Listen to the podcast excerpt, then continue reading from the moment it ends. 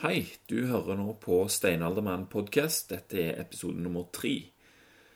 Episoden er sponsa av barefootshoes.no. På siden nå så finner du bl.a. Paleocrunch energibarer. Dette er altså en svensk fyr som har bestemt seg for at dette var noe som trengtes i markedet her i Norden. Tidligere så har vi hatt noe som heter Bearded Brothers i, i, butikken. De ligner veldig på disse her, men de var jo produsert i Texas, så det blir jo en veldig lang vei å sende energibarer. Så vi er jo veldig glad for at det, noen i eh, vårt nærområde har bestemt seg for, å produsere noe lignende. Eh, de kommer i forskjellige smaker, bl.a. i multe og kokos og pekan. Eh, ingen gluten, hvete, melk eller soya i disse. De heter jo tross alt Paleo Crunch. Kun tørka frukt, nøtter, frø og havsalt. I tillegg så har vi så klart Pure Pharma-produktene på plass. Omega-3, vitamin D og M3, som er en blanding av magnesium og sink. Hvis du går for eh, powerpacken, så får du tre bokser hver. Den koster 1799. Da sparer du òg noen kroner, og du har eh, vitaminer og, fettsyre en stund. Um, dagens gjest på episode nummer tre det er altså Pål Jobbek, forfatteren av Helt naturlig mat og trening. Og den boka får du òg selvfølgelig hos barefootjuice.no. Enjoy!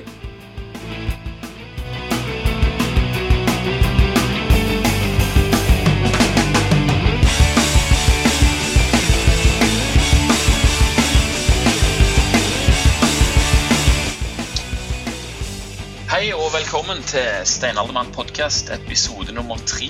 Eh, mitt navn er Eivind Teigen Stuland, og dagens gjest er Pål Jåbekk. Han er altså forfatteren av boka 'Helt naturlig mat og trening'. Og han har altså en master i idrettsvitenskap med fordypning i fysisk aktivitet fra Norges idrettshøgskole. I tillegg sitter han i fagrådet for Kostreform Norge, stemmer ikke det, Pål? Jo, det, det, stemmer. Kostreform for bedre helse heter det jo strengt tatt. men det gjør det. Ja. Hjertelig velkommen til deg. i hvert fall. Tusen takk for at du vil stille opp. Ja, og takk for at jeg ble invitert. Jo, det er jo veldig kjekt eh, å få spredd litt av den eh, kunnskapen som finnes eh, rundt omkring i Norge nå, spesielt på dette og andre temaer. Helt enig. Så, mm.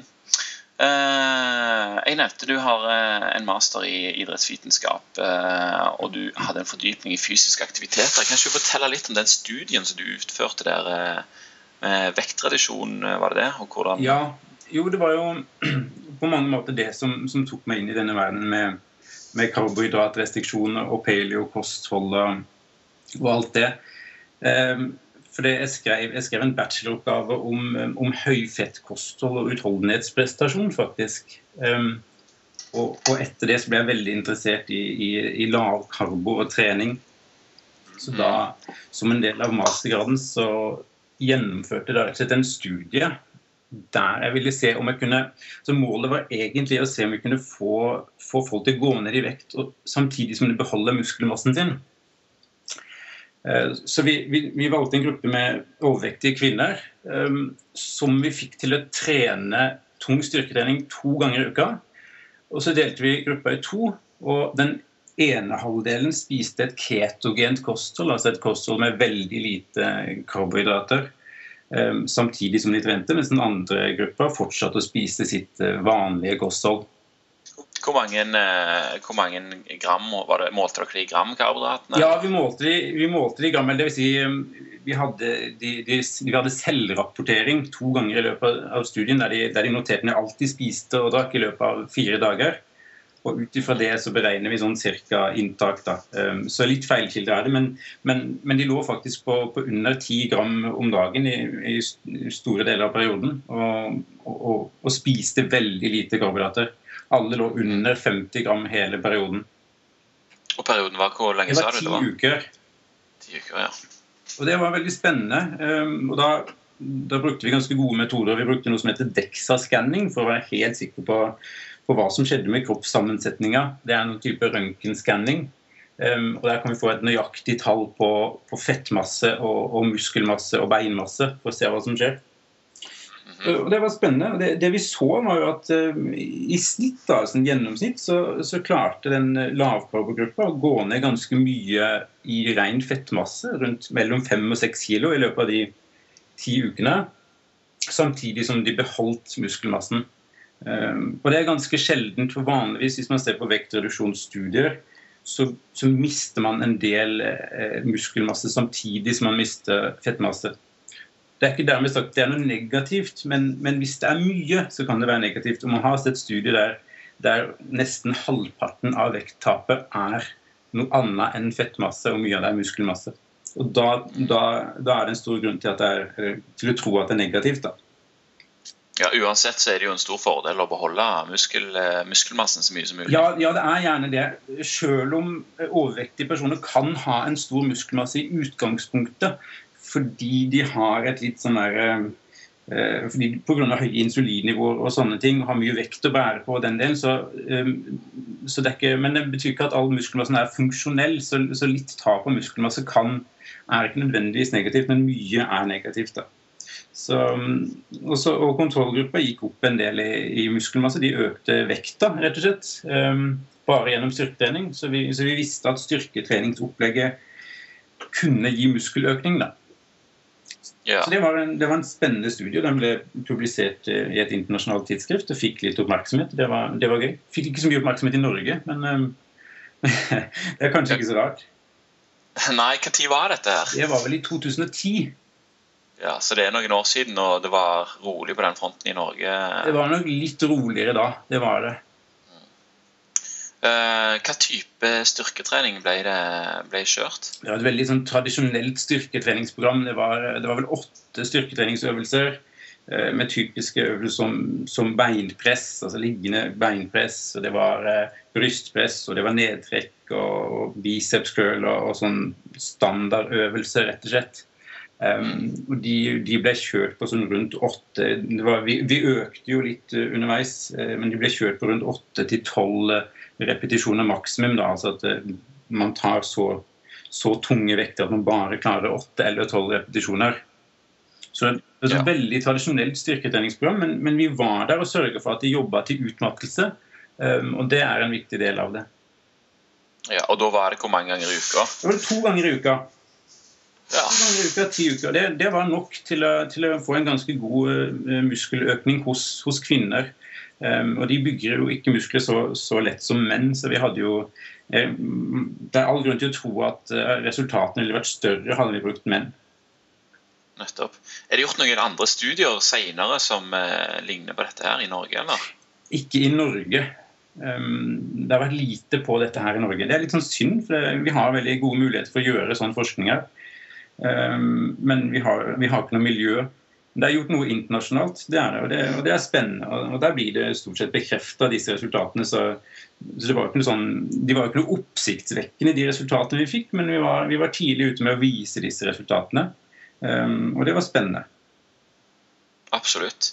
Det er jo uh alltid kjekt å ha en, eh, en sånn, eh, et sånt opplegg og vise til at det faktisk virker. Ikke bare at du leser f.eks. om en som har gått ned i vekt og har gjort sånn og sånn og sånt og har fått en, en god opplevelse. Nettopp. Det er jo veldig mange av de historiene, og de er veldig inspirerende. Ikke misforstå meg, men ja. veldig godt å kunne vise til noen, noen håndfaste resultater. Da. Nei, ja, ikke sant? Det, stemmer. det. Man må, man må, jo ha vitenskapelige data på ting for, for at man skal kunne komme med påstander. Um, og så også, Dette var jo på Norges idrettshøgskole, um, og der var man ikke spesielt åpne for at det var mulig å trene i det hele tatt på, på lavkarbo. Og, og det, det, ble noen, det, ble noen, diskusjoner der oppe, det ble det. Uh, Olympiatroppen hadde jo utgitt rett i forkant sånne fagark for idrettsutøvere der det sto at det var nærmest umulig å trene på lavkarbo. Um, så det var jo på en måte det vi lærte. Da. Jeg visste jo at det var feil, men men en av metodene for, for, å vise at det var feil, var rett og slett bare å gjøre forskninga sjøl. Så mm. Mm. Det er ofte veien å gå, det. Ja, ikke sant? Det er fint å ha den muligheten. Ja, ja så Herlig å motbevise folk. Det er det jo alltid. Ja, det er, det er gøy, det, faktisk. ja.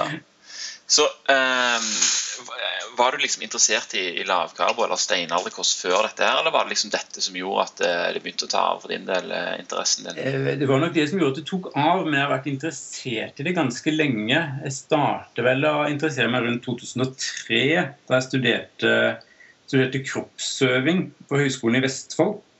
Og da var det vel Jeg kom over, jeg kom over en bok til Fedon Lindberg først. Sånn tror jeg det var. Og og, og, da det første som gikk opp for meg, var jo at det, det var flere aspekter ved overvekt enn, enn det jeg var vant til å tenke. Eh, det var, at det var mer enn energi inn og energi, energi ut. At det fantes eh, noen næringsstoffer som kanskje fører til fettlagring mer enn andre. av den delen. Eh, så Det var første møte, og da ble jeg veldig interessert og begynte å lese egentlig alt jeg kom over. Hang på nettet og leste bøker. Fikk tak i, i Atkins, den første Atkins-boka. Eh, leste den og var, og var, fryktelig skeptisk i denne perioden. Eh, jeg var liksom egentlig på jakt etter å finne ut av hva som var galt med det. Eh, for Jeg kunne ikke helt skjønne at det, at det, skulle kunne stemme, men så fikk jeg bare Jeg fant jo aldri ut Jeg fant jo aldri det som var galt. Jeg fikk bare bekrefta hele tida at her var det noe som, som stemte. Så, så helt, helt, siden da så har jeg jobba med dette og vært interessert i det og lest og og husker allerede på det var rundt 2003-2004 at jeg kom over bloggen til Jan Moore, eh, 'Live in la vida low carb'. Um, Jimmy Moore. Han holder på ennå. Veldig spennende fyr. Men det var tror jeg den første sånn Han var på en måte den første kilden til internasjonal litteratur på lavkarbo. Så, det var, um, så, ja, så jeg holdt på i noen år nå, så har det bare balla på seg, rett og slett. Ja, så i forhold til Atkins, da, der er det vel veldig sånn eh, Det er liksom bare fett, karbohydrater og proteiner, har jeg forstått det rett da? Ja, altså Atkins um, uh, han, han, var kanskje ikke strengt vitenskapelig, men han hadde klart å grave opp veldig mye interessant litteratur. Hadde rett på veldig mye. Han hadde, han hadde annet rett på dette med at, at ketose, eller sånn kostindusert ketose, kunne være veldig nyttig for å gå ned i vekt. Men han fokuserte jo på, på på karbohydrater, fett og proteiner, og, og, ikke på noe av det som på en måte er fokus innen paleo-bevegelsen, med, med, hvilke typer matvarer og den delen.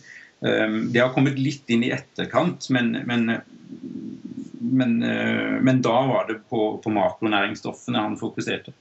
Det var det. Mm det er, jo, det er, jo, gjerne det som var lettest i den tida for uh, vanlige folk å forholde seg til. Ja, det var jo det. Og det er, og, og, og det er på en måte litt det vi sliter med, sliter med ennå. Når, når folk, eh, folk, ønsker å gå ned i vekt, få bedre helse og, og oppdage lavkarbo. Og så blir fokuset blir bare på karbohydratene, og så oppnår man kanskje ikke det man ønsker å oppnå. Og så er det andre faktorer som man må, må se på, da, som sånn som vi blant annet, De faktorene vi pleier å se på innen paleo-bevegelsen med, med korn og melk og, og, den delen.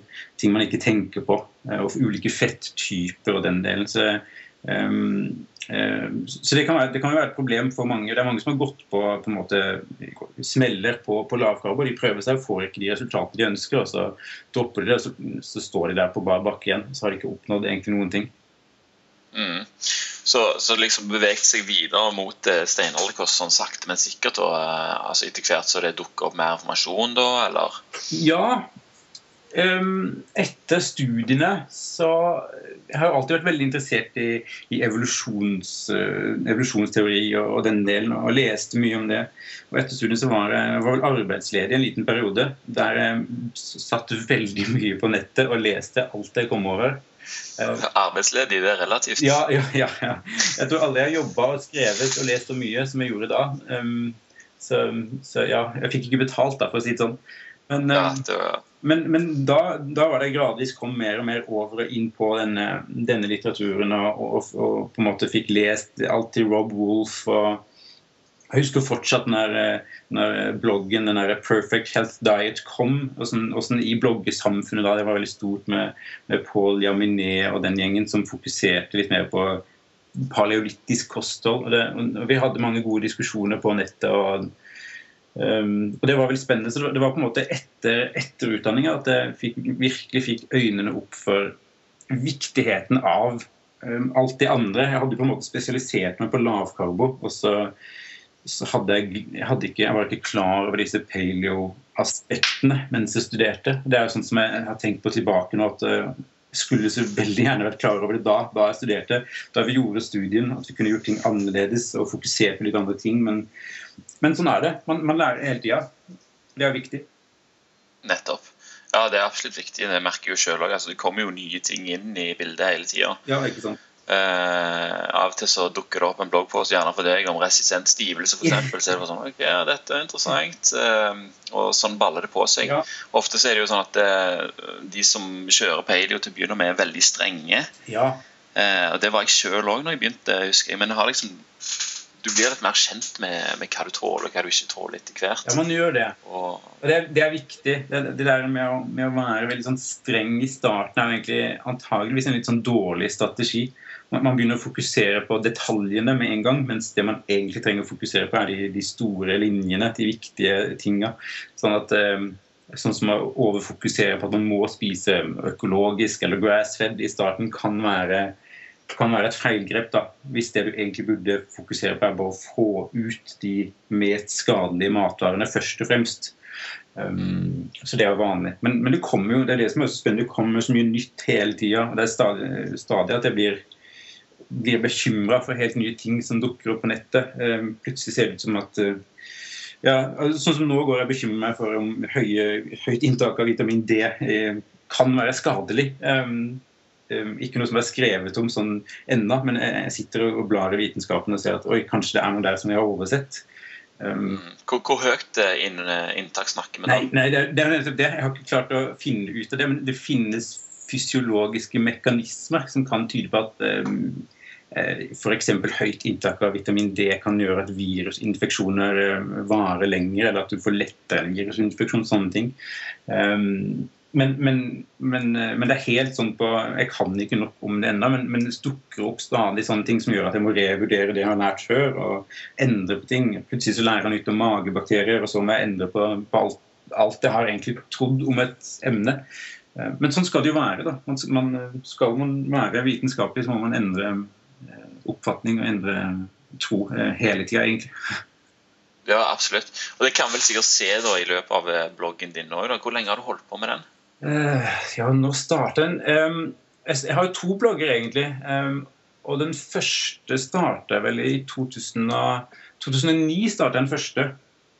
Uh, for det er en blogg som heter Ramblings of a Carnivore. Jeg, jeg starta med å skrive på engelsk, faktisk.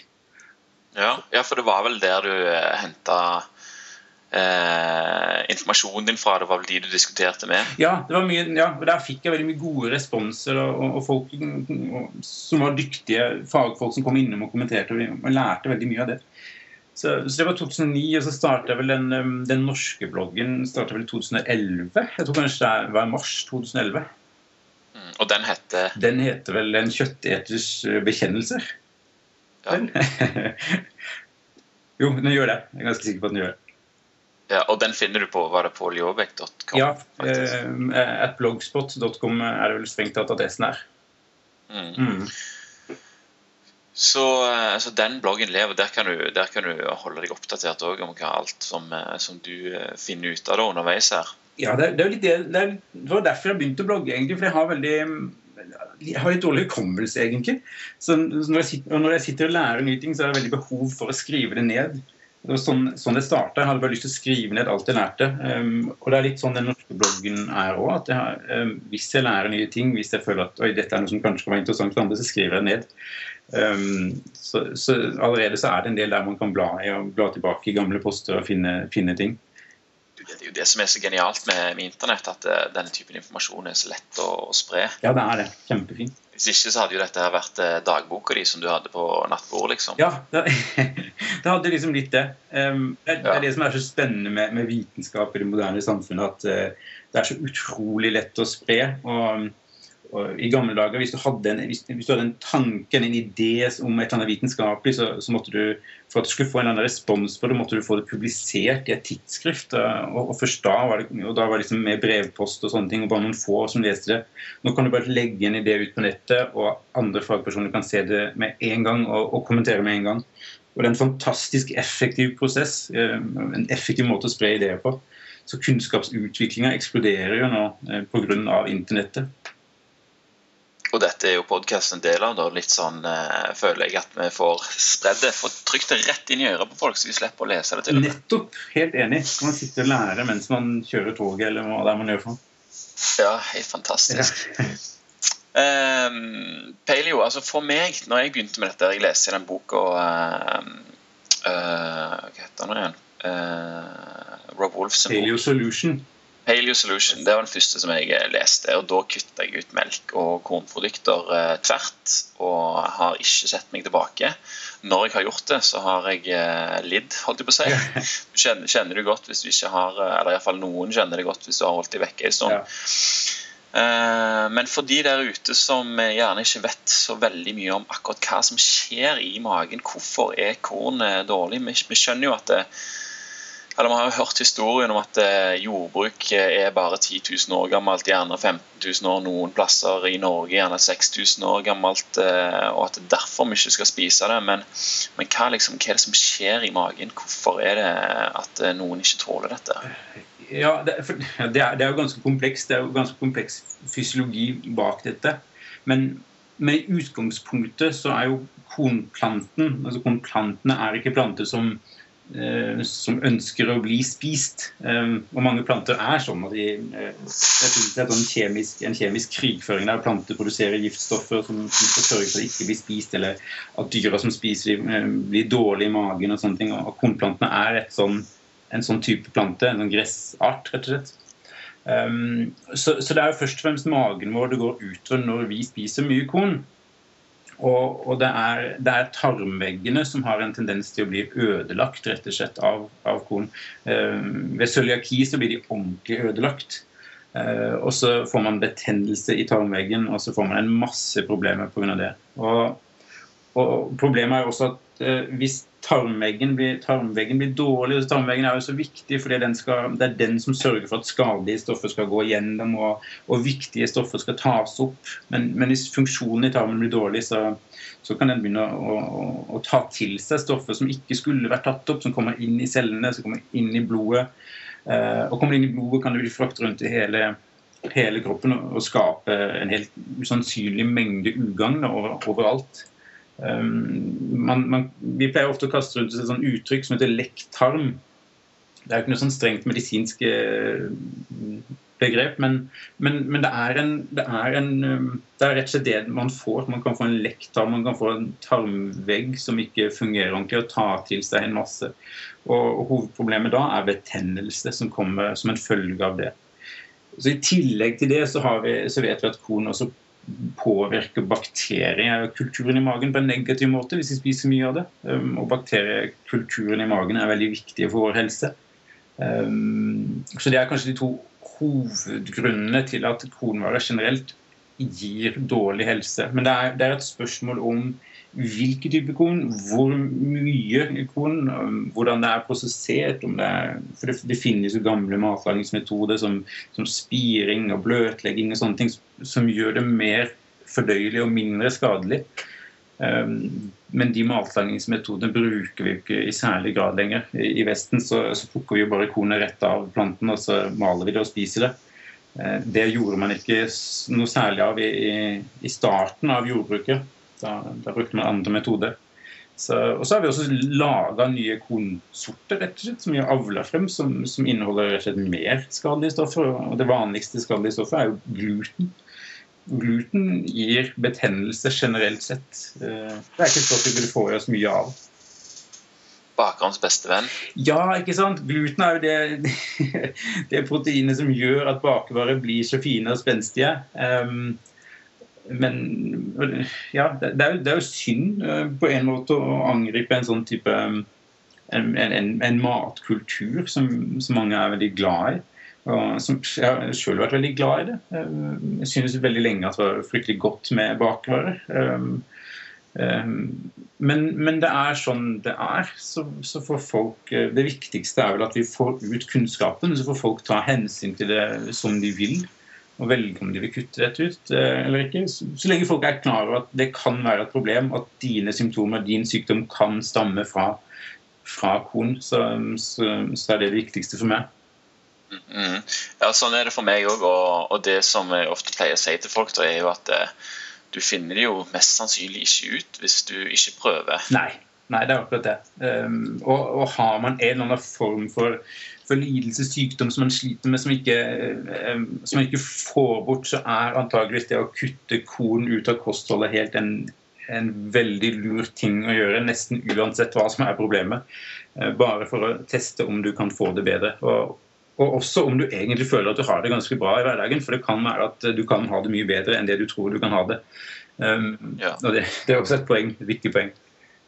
Ja, at er liksom går i den gamle tralten, at det er sånn har i det. Ja, ja ikke sant. Det er, det er, mange altså, unge mennesker som går og er trøtte og slitne hele tida, som, som, ikke klarer liksom, å fullføre hverdagen helt uten å ta en lur eller gå på en smell innimellom og, og, og, sånne ting. Og vi burde tåle mer enn det, da, egentlig. Så, så det er nok mange som går i en sånn en kontinuerlig, sånn kronisk sånn dårlig tilstand, rett og slett. Der man kunne hatt det mye bedre, hatt mye bedre helse hvis man spiste annerledes. Og så vet man ikke helt lenger hva, hva god helse virkelig er. Ja, og når, og når vi snakker om å liksom få bedre helse, nå, så, så, er det jo snakk om liksom hvordan tarmbakteriene virker. Hvordan, hva, er det som gjør at, eh, at betennelsen gjør at vi blir sløve? Hva, hva er det som skjer da, liksom? Uh, ja, nå, nå, begynner det å bli avansert. Um, uh, for mange, mange, stoffer som vi får i oss, sånn som bl.a. stoffer fra korn, eller um, høyt inntak av omega-6, uh, fettsyrer, eller, um, eller, rester fra bakterier som kommer inn i magen, sånne lipopolysakkarider og sånne ting. Alt dette påvirker egentlig den samme, samme funksjonen i, i, inni cellene. Uh, nå begynner å bli avansert med noe som heter, hva heter eh, NK-kappa beta. NF kappa beta, nuclear factor. Den kjenner vi alle. Ja, ikke sant.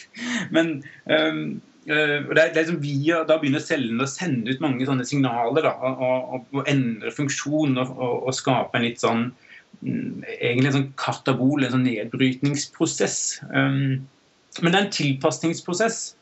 Og det, det, er også viktig, altså Inflammasjon er en naturlig prosess, og innimellom så skal den skje. Bl.a. fordi Blant annet hvis vi får i oss eh, virus og bakterier eller sånne ting, eller vi trener hardt, så er, så er betennelsesprosessen viktig.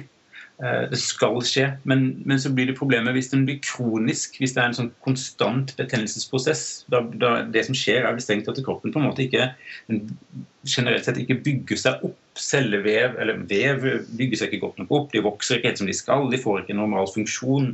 Eh, sånne ting. Og, så, og da er det man får alt ifra trøtthet og slitenhet til, til autoimmunsykdommer. Mm. Uh, ja, litt avansert. Jeg må ha litt avansert òg av og til.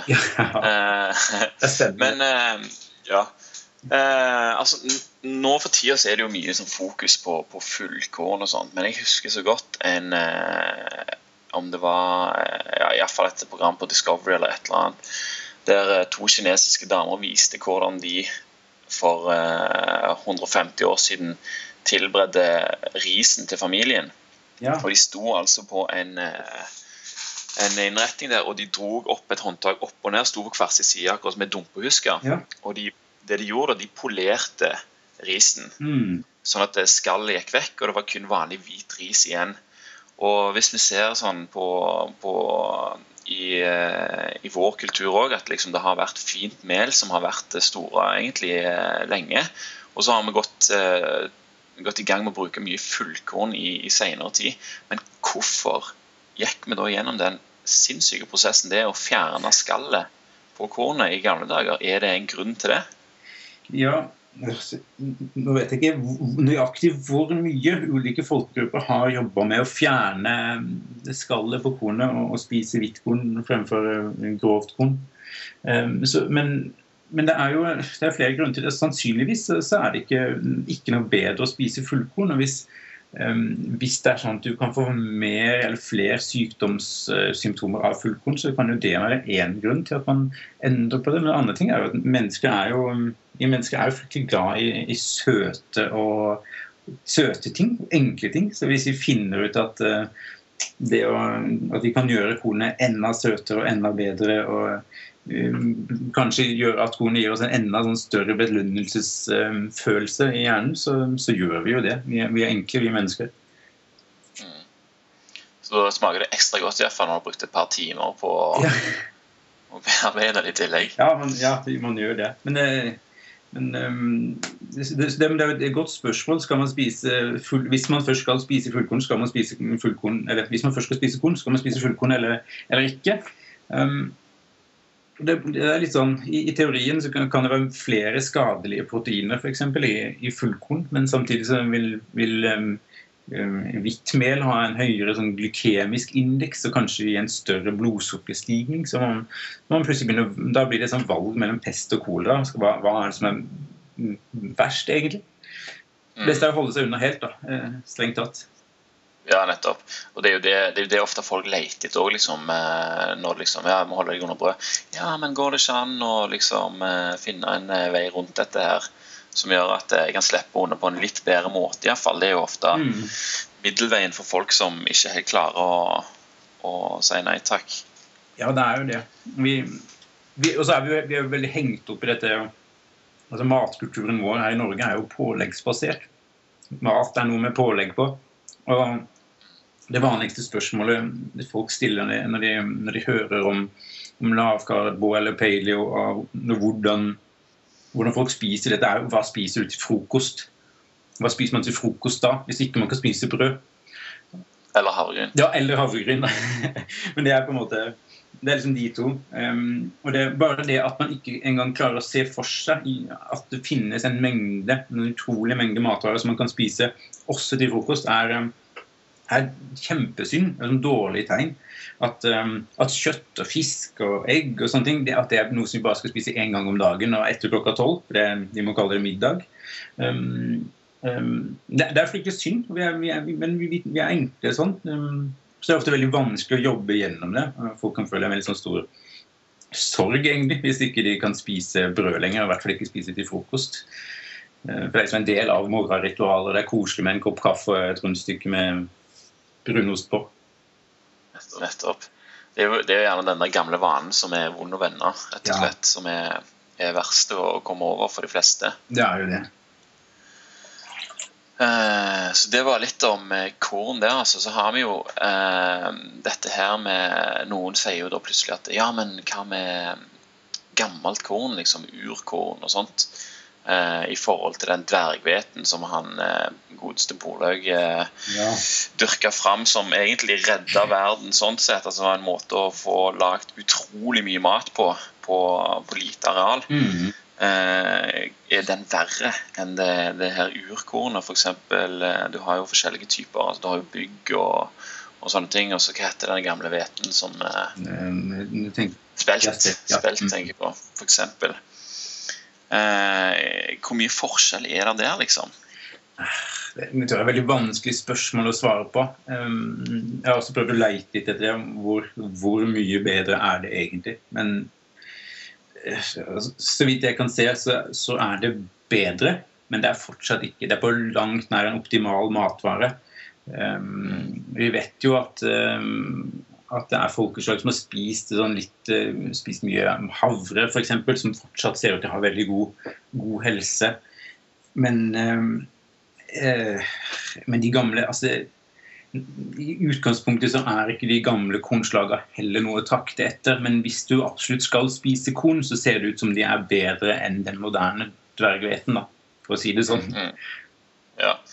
Ja, det tror jeg det er, det er greit for folk å høre disse her tingene. For det er i hvert fall noen av de mest vanlige spørsmålene jeg får. Det er hvordan du kan komme deg rundt dette her. Ja, og likevel spise frist brød. Mm. Men uh, summa summarum så er det bedre å la være uansett. Ja. Samtidig så, så, er det viktig å være åpen for at, um, at dette er ikke noe altså Jeg brukte jo sjøl mange år på, på, å kutte ut kornvarer. Jeg oppdaga gradvis liksom, hvor viktig dette var for min egen helse.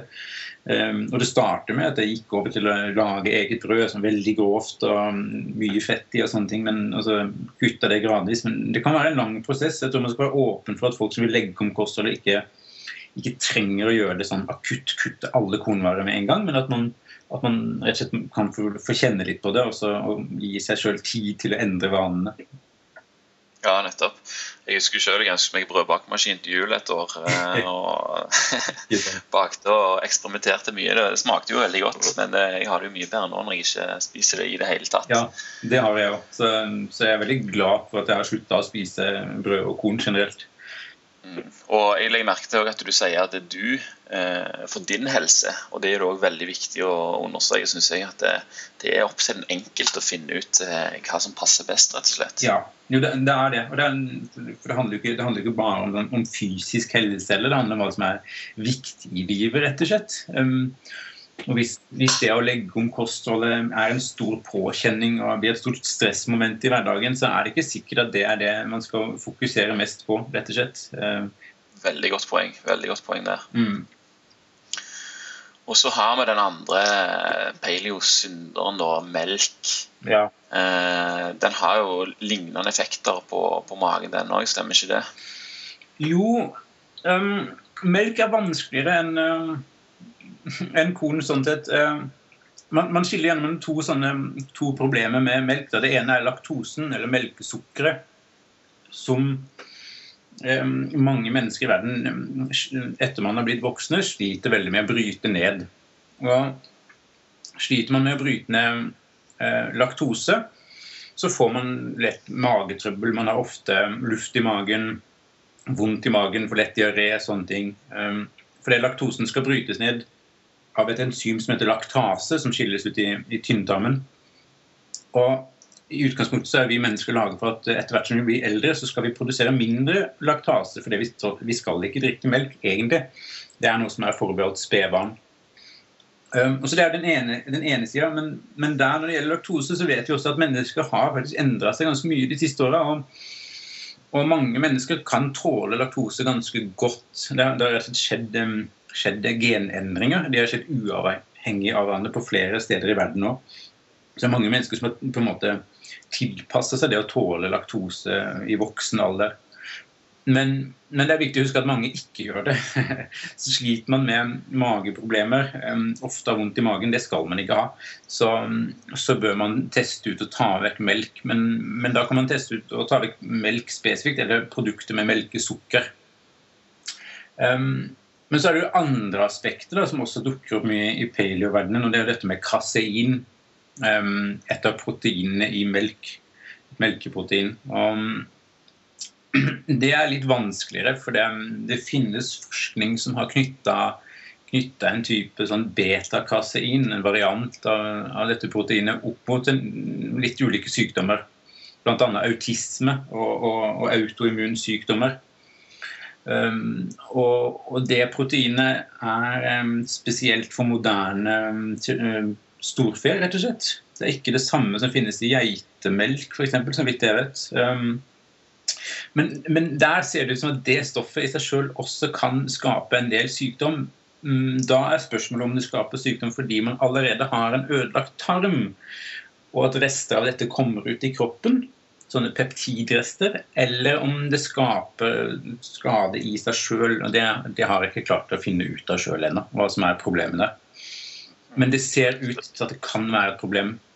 Så også sånn som ved autisme, så, så burde man antageligvis kutte ut alle melkeprodukter, alle kornprodukter, altså ikke bare melk. og Samme med, spesielt ved, ved autoimmunsykdommer. Um, så burde man antageligvis bare droppe alle melkeprodukter rett og slett.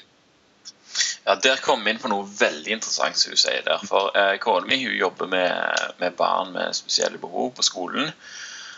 Og eh, kom hjem full av fortvilelse en dag. Hadde vært på et informasjonsmøte om, eh, om ADHD og autisme. Mm. Og liksom hvordan vi skulle behandle dette her, og medisiner og sånne ting.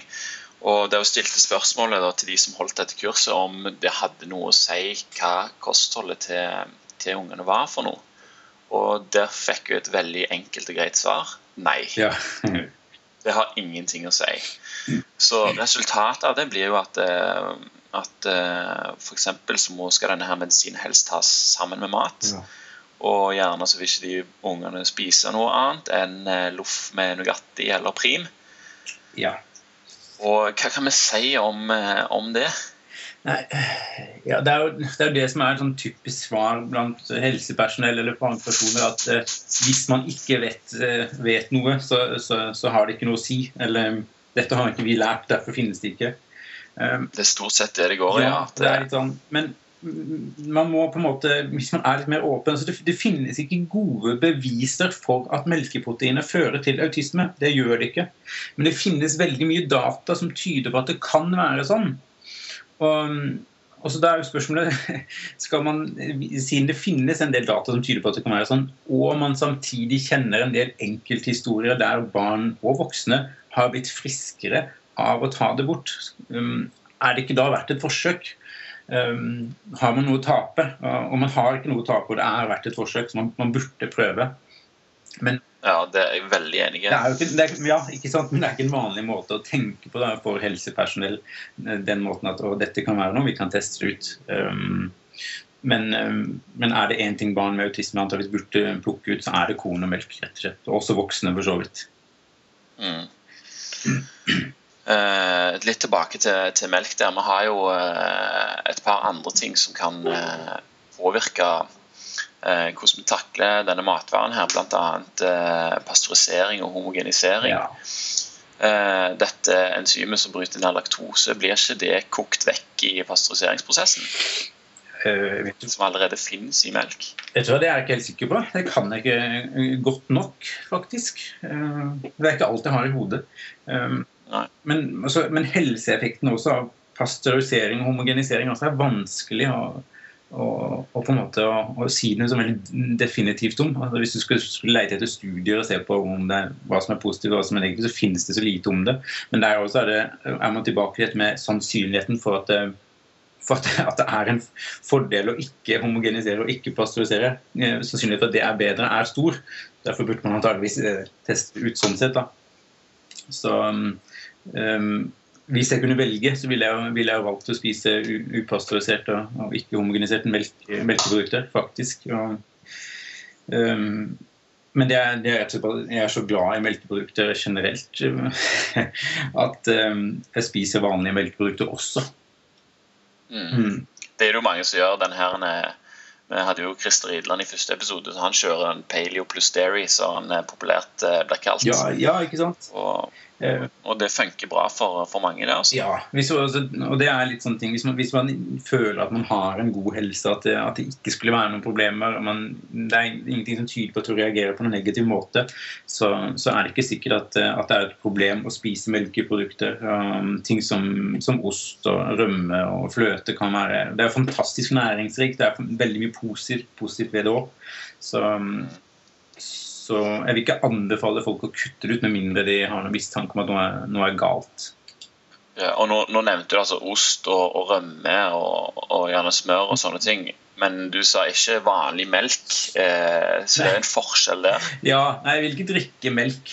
Det, det vil ikke. Men det, det, går, det, går, på det melkesukkeret igjen, og, faktisk. Um, jeg kan ikke drikke melk sjøl. Da, da, da, reagerer jeg i magen. Så jeg tåler ikke så veldig godt. Um, og jeg tror mange tåler mindre enn det de tror. Uh, jeg kjenner folk som, som våkner hver morgen og drikker en kaffe med melk i, og så får de vondt i magen. Det er standard. starter dagen med vondt i magen. Det, men man tror at det er sånn. Det er ingen som, ingen som tenker at det kan være melk, melka i kaffen. Uh, mm. Så generelt sett vil jeg ikke anbefale folk å drikke melk, for du, du trenger det ikke. Det er, det er et litt sånn unødvendig produkt. Rett og slett. Ja. Så uh feite melkeprodukter rett og slett er bedre enn vanlig melk? Ja, det er, det er mye bedre. Senest i går sto jeg og gjorde en liten smakstest av forskjellen på rørosrømme og tinerømme. Eh, eh, og det er jo, Rømme i seg sjøl er jo fantastisk godt, men er jo ikke noen tvil om at rørosrømmen er eh, hakket bedre. Hakket bedre. Ja, for den, den, den, De vet at de har veldig eller de har i hvert fall veldig kort pasteuriseringsprosess. Mm -hmm. Og så er det jo økologisk i tillegg. Ja, det er det nå. Og litt større fokus på smak, gjerne. Eh, litt mindre produksjon. Mm. Ja, dessverre så bor jeg her på Østlandet, så er det ikke så mye Rørosprodukter som Rørosmeieriprodukter som, som det er oppe der de holder til. Men um, hvis man leter litt i butikkene, så, så finner man det. det uh, det koster kanskje litt mer, men, men det, det, smaker forferdelig mye bedre. Og så er det kanskje hakket sunnere òg, faktisk. Og Rørosmøret, der kan vi jo bare si ja. at det er jo lagt på, på rømme istedenfor fløte. Ja. Så der får du en helt annen smak. Ja, ikke sant. Eh, vanlig smør eh, tilsettes vel egentlig gjerne smørsmak. Men det, det gjør ikke Rørosmøret. um, og det, det, er et fantastisk smør. Uh, smør er jo godt. Smør er godt i alt. Smør er godt for alt. Det, det, er nesten som bacon. Ja, ja. Bacon er godt i alt. Ja. Uh, og Når vi da nevner bacon, så kan vi jo like liksom godt snakke litt om, uh, om fôr til baconet. da. Altså uh, Vi har jo sagt nå litt om hvordan vi reagerer på, på, korn. Men hvordan er det for, for dyra som spiser dette kornet, f.eks. storfe, som er egentlig er laga for å spise gress, for, for, å si det på den måten. Ja, ikke sant. Um, uh, storfe er laga for å spise gresset, men de er ikke laga for å spise gressfrøa. Um, I store mengder. Det er jo det de får. Vi, når vi fôrer opp storfe på, på kraftfôr, så er det igjen um, soya fra Brasil og, og korn fra rundt omkring i verden. Um, det er det de får. Det, det er de ikke laga for. Det, det, det, som skjer da, er at de også får en dårlig helse, rett og slett. De blir mer utsatt for infeksjoner. Um, større sjanse for at de må få antibiotika. Um, sånne ting. Um, men også så endrer du fettsyresammensetninga i kjøttet. Så eh, en okse som spiser kraftfôr, får, et, får mye mer omega-6-fettsyre i kjøttet og mindre omega-3.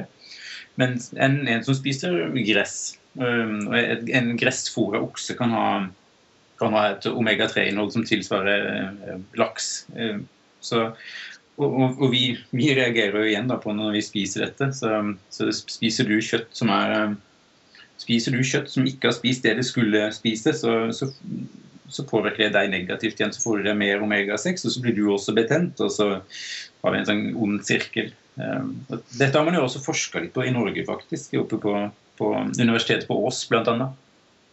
Ja, der holder de på med kyllinger og, ja, kyllinger. og, og lam og ja. sånne ting.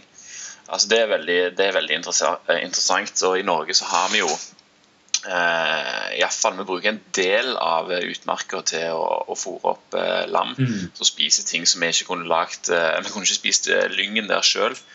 Men når de spiser den, så lager de da Eh, kjøtt som er superanvendelig for oss. Ja. Og, og, både fordøyer og, og gir oss eh, de egenskapene vi trenger i, i, kroppen. Uh, og bl.a. at de har mer omega-3. Og der kommer det inn i bildet at hvorfor tar vi egentlig omega-3? Jo, altså Omega-3 i seg selv er jo egentlig antiinflammatorisk, altså hemmer betennelse. Mens omega-6 eh, kan øke betennelse. Um, når man tar mange sånne smertestillende medisiner som også er betennelsesdempende, så, så, så, er det måten de virker på, er jo at de, de hindrer omdannelsen av omega-6 til sånne betennelsesfremmende stoffer.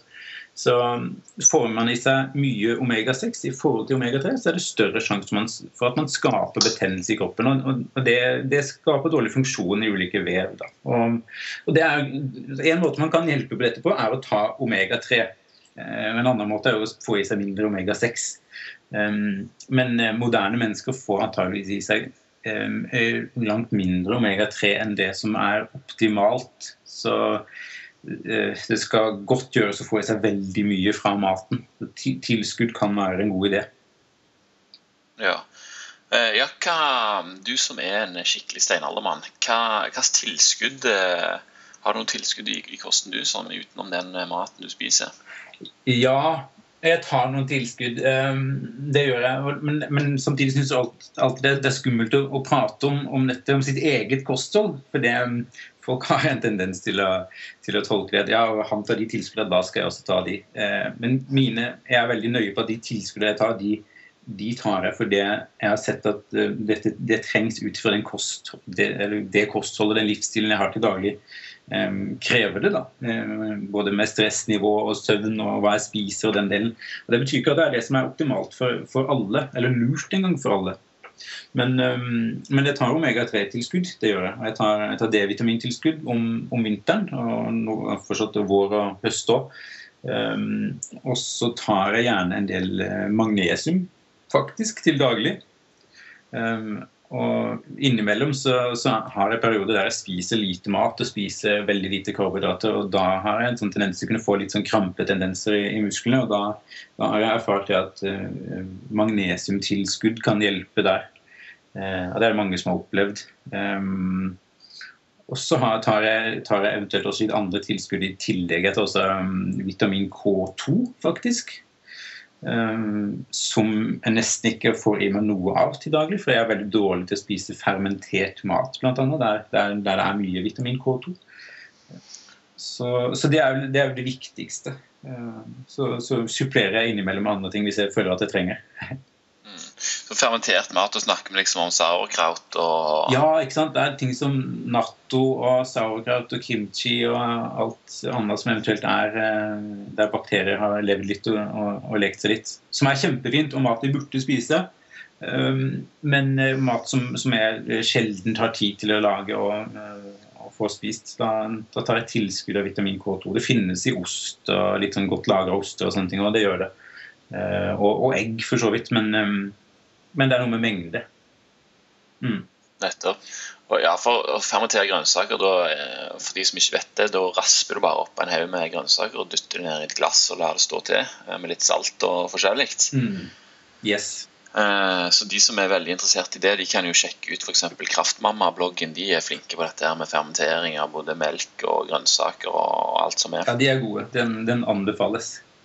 Den anbefales sterkt. Altså, jeg har sjøl lagd litt eh, kefir og yoghurt og sånne ting. Men jeg gjenstår ennå å prøve å lage kål og grønnsaker og sånn på den måten der. Så det må prøves. Ja, ja. Det, det, er, det, er, det er, spennende. Det er gøye prosjekter òg. ja. Og, og, der er det jo òg snakk om dette, det som vi snakket om tidligere, altså tarmbakterier. Hvordan de skal leve så godt som mulig. Og fermenterte grønnsaker de bidrar veldig eh, til en viss grad i den prosessen der. Ja, de gjør det. Ehm, både fordi vi, vi får i oss bakterier gjennom munnen, og det skal vi gjøre. Vi skal få i oss bakterier som skal kolonisere magen vår. Det er viktig. og Det er mange immunologer som jobber med dette, som sier at vi, vi bør passe oss ikke vi er for renslige, rett og slett, fordi vi trenger å få i oss bakterier. Um, og, og, den type bakterier som du får fra sånn fermenteringsprosesser, er, er, jo spesielt gunstig også, da. Um, de, de, de, hjelper oss på alle mulige måter. De produserer vitaminer i magen vår. De produserer andre viktige stoffer, korte fettsyrer, sånne ting som er viktige for at uh, tarmen skal ha en god funksjon. Um, så Det er på en måte bakteriene som passer på tarmene våre egentlig og sørger for at de fungerer som de skal. Um, mm. Ja, det, det, er de liksom, de, altså det er jo ikke maten vår som går inn i cellene, men det er det de eh, bakteriene i magen bestemmer at skal inn i cellene våre. Det er litt sånn, faktisk. Så de, de er utrolig viktige. Og, eh, og en ting som, som, er eh, veldig undervurdert i dagens samfunn, det er jo faren ved å ta antibiotika. Um, det er nok veldig mye sykdom som kunne, kunne, vært unngått hvis ikke vi hadde tatt så mye antibiotika. Fordi antibiotikaen tar livet av en del av magebakteriene. Og så er vi ikke flinke nok til å få bygge opp igjen magebakteriekulturen i etterkant. Sånn at vi rett og slett får, vi får dårlig fordøyelse og får dårlig helse pga. det. Mm. Og da er vi jo inne på, altså for Hvis du tar en heftig antibiotikakur, så kan du jo få diaré f.eks. Ja, det kan man skikkelig. Eh, og hvis en har diaré, så betyr det jo at du tømmer rett og slett systemet ditt for en massevis av eh, bakterier. Man gjør det, faktisk. Og da er det viktig å bygge det opp igjen.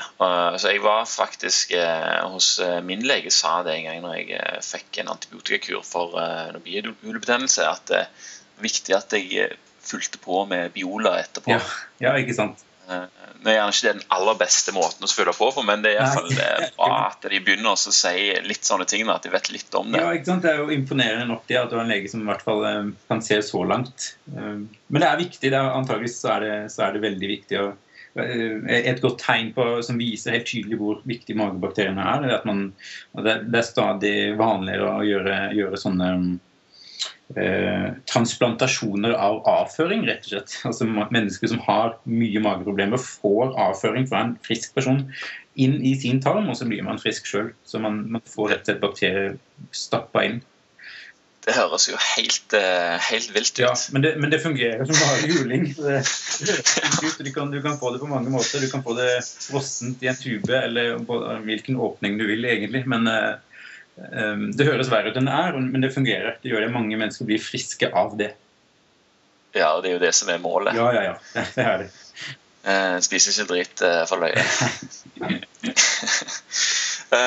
men nevnte det så vidt også i begynnelsen her, noe som har kommet opp nå i det siste, føler jeg, innenfor dette paleo-miljøet. liksom Dette her med resistent stivelse. Jeg så du hadde skrevet noe om det. Ja. Resistant stivelse heter det. Ja, ja resistent, resistent. Um, jo, det er, jo, det er en type stivelse som, som fungerer litt som et fiber, rett og slett. Som, som går ned i tarmen og blir til uh, som, som, kroppen vår da, ikke klarer å bryte ned, men som bakterier i magen kan bryte ned. Um, og Det er en del som tyder på at det er noe vi kanskje bør få i oss en del av, faktisk. Som kan bidra til god mage-tarmfunksjon og god helse. Um, og det, akkurat det med resistent stivelse tror jeg kan være en veldig sånn nøkkelfaktor for veldig mange mennesker som, som prøver lavkarbo eller paleo eventuelt med lite karbohydrater. Og, um, og så kan man ende med å få i seg lite av dette. Så kan man blant annet få litt hard mage og bli litt forstoppa og sånne ting. Og det, det, er egentlig et ganske dårlig tegn hvis man blir skikkelig forstoppa. Um, da betyr det at det er noe som, som er galt. Og en av de tingene som jeg tror kan hjelpe veldig, og spesielt når man når platået der man ikke går ned i vekt, og sånne ting, er dette med resistent stivelse. Og det, det får du bl.a. fra hvis du, hvis du, koker poteter eller ris, sånne ting, som, som så kjøles ned igjen, eh, så, kan du, så, kan du, spise og få en, en del resistent stivelse. Du kan også bare ta tilskudd av potetmel og blande det ut i, i vann nå, om du vil det. Vi tar litt kalori i seg, altså. Ja, ja, ikke sant. Ja, ja og, det, og det, er, det, er, en veldig fin måte å gjøre det på, men, men problemet er jo eh, mennesker som f.eks. prøver seg på lavkarbo for å gå ned i vekt, eh, få bedre helse, den delen, eh, skyr karbohydrater generelt. Og så, og, så, og så, ser man ikke helt verdien av disse, og så kunne man antakeligvis fått en bedre helse hvis man faktisk hadde inkludert litt kaloriis eller kaldpoteter innimellom. Mm. For det er, jo, det er jo stor forskjell òg på folk som målet er å gå ned i vekt, ja. eller om målet er å bare leve greit, rett og slett. Ha en bra fordøyelse og alt dette her. Ja. Så det med, det med karbohydrater er jo Folk som trener mye, f.eks., kan jo ha godt av å bruke mye karbohydrater. Sånn jeg har opplevd iallfall. Mm, ja, man kan det. Og det kan, man kan utnytte det på en smart måte òg. Eh, F.eks. ved å spise karbohydratene først og fremst rundt trening og ved trening, og så spiser man lite når man ikke trener. Så kan man få på en måte det beste fra begge verdener. Det er en god strategi. Ja. Yes. Eh, og bare for, bare for, å ta litt om det der. Altså de, de vanligste mm, argumentene mot steinalderkost eh, Det har vi jo mye. F.eks. at det, de matvarene som vi eh, kaller for steinaldermat nå, da, altså sånn grønnsaker og, og sånt som, som, vi har kultivert og som, som vi finner i butikken, de fantes ikke i den tiden og osv.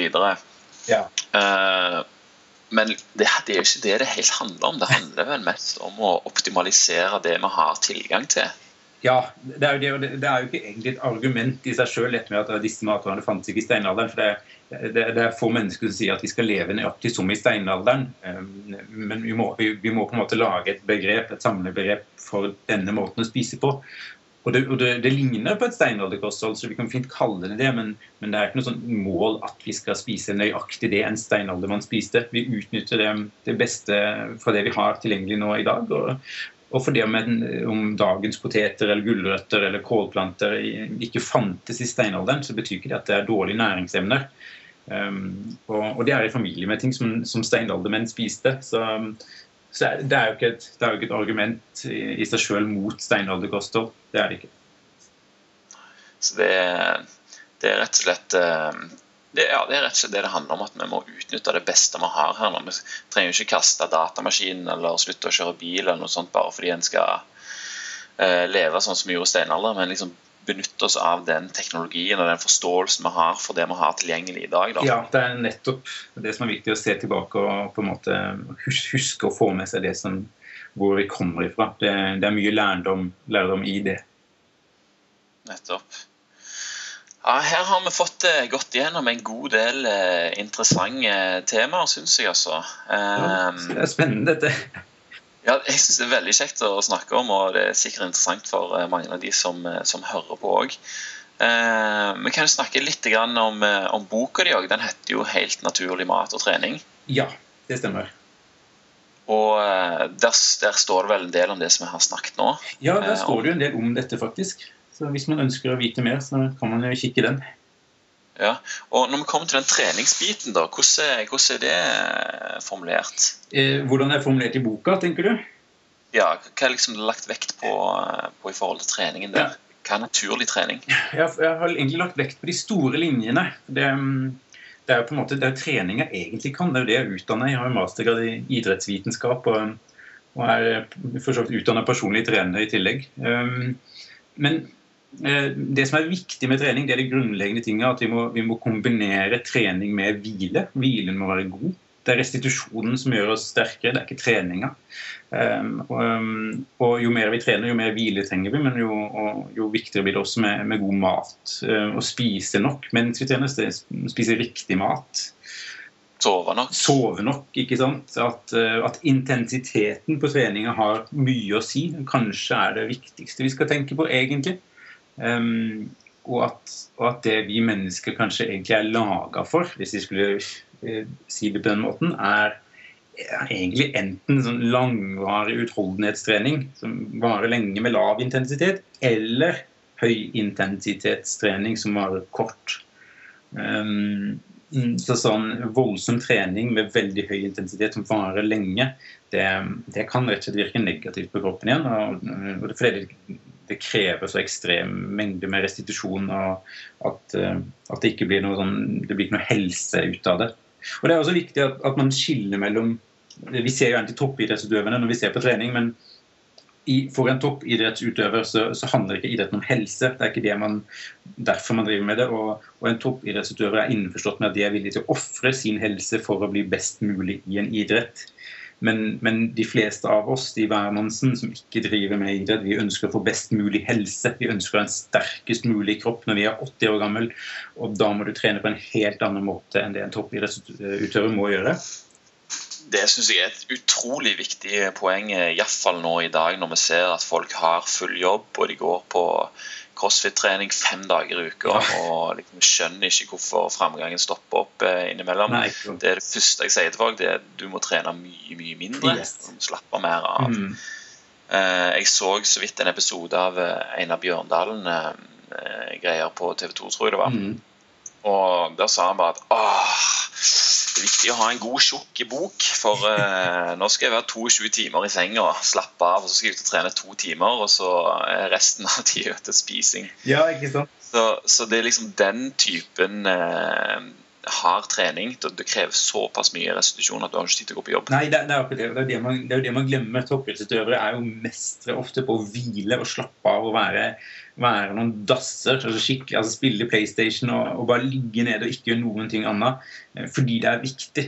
altså, optimal prestasjon krever også optimal restitusjon. Um, så de er gode på det, men, men de, har ikke, de har vanligvis ikke jobber ved siden av og masse annet de må gjøre de fokuserer bare på idretten. Og det, det bør ikke være et forbilde for folk flest som har vanlige familieliv og som har vanlige jobber og fyller livet med alt mulig annet. Da må man trene smart. Og det kan du altså lese litt om i, i den boka? Det står det litt om, ja. Veldig, veldig bra. Mm. Eh, da tror jeg vi har nå har det faktisk gått en eh, times tid. Har du noe mer eh, du har lyst til å nevne? Eh, ja, altså, kunne prate litt. Ja, det har du sikkert. Um, jeg får komme tilbake en gang en annen gang. Men, um, det, for det, Mye av dette er jo kjempespennende, men jeg har ikke noe, har ikke noe sånn um, akutt å si. Jeg tror det er viktig at folk som er interessert i tema, disse temaene, leiter litt, leser litt og, og bruker tid på å på å finne ulike kilder og lese opp. og Lese en bok, les på litt ulike blogger og oppsøk informasjon. Det er kanskje det viktigste. Ja, Still noen spørsmål. Jeg sier jo alltid det hvis jeg har snakket om kosthold eller noe sånt til noen, at eh, nå har jeg stått her og sagt en masse greier, men for alt det dere vet, så er det bare bullshit. Nettopp. Dere skal ikke gjøre akkurat det som jeg sier, eller det du sier, men at det, målet er ofte da, å få folk til å stille litt spørsmål og finne litt ut ting sjøl, og, og, prøve ting, ikke minst. Ja, så Ønsker du å få servert uh, svaret på et, ferdig på et sølvfat, så, så, så, stiller du egentlig ganske dårlig. Du, du, ønsker du god helse, så må du også godta at man bruker litt tid på å forstå helse, helse, forstå kropp og forstå hvor kunnskap kommer ifra. Det, det, ikke, det trenger ikke være så voldsomt, men man, uh, det krever litt engasjement. det gjør det det gjør det. Mm. Uh, og bare for, for, å nevne, hvor kan vi følge, følge, etter deg? Du har vel både Facebook og Instagram og forskjellige måter de kan følge med på hva du, hva du finner ut i din uh, ferd mot uh, perfeksjonisme? Ja. Jo da, um, jeg finnes på Facebook. Um, der har jeg en egen side. Jeg har, um, har en blogg som heter paljabek.blogspot.no. Uh, og en nettside, paljabek.com. Uh, og hvis trykker man innom et eller annet av de sidene, så, så finner, klarer man å, å, følge med på det som skjer. Så, så har jeg noe interessant å komme med, så, så, deler jeg det der. Ja, Det enkleste er vel å gå på Facebook og, og skrive Pål Jåbekk og yes. like siden din. og Der har du vel linker til, til nettsidene. Hvis du liker siden på Facebook, så legger du ut uh, alt der. Så det er det enkleste. Fantastisk. Mm -hmm. Yes, men Da vil jeg bare si tusen hjertelig takk for uh, at du stilte opp og kunne gi svar på alle disse spørsmålene. Bare hyggelig. Og kjempespennende. Ja, og som du sa, så har du mye mer på hjertet som, uh, som du sikkert kunne snakket om her i, i timevis. Så plutselig så er du tilbake. Ja, ja, gjerne. Det sier jeg gjerne ja til. Ja, absolutt. Så òg Hvis det er noen som har noen spørsmål eller noe sånt til det her som er blitt eh, Eh, diskutert her, så er det jo bare til oss å, å spørre i vei, enten på Stein Allermanns side på Facebook for eksempel, eller på Pål Jåbæk sin side. Gjør det. Så, så får, vi, får, vi, oppklart om det er noe som er uvisst. Gjør det. Bra. Helt supert. Tusen, tusen takk for, uh, for deg. Bare hyggelig. Takk i like måte. Og så, så snakkes vi igjen. Ja, det gjør vi. Ha det fint. Supert. Hei.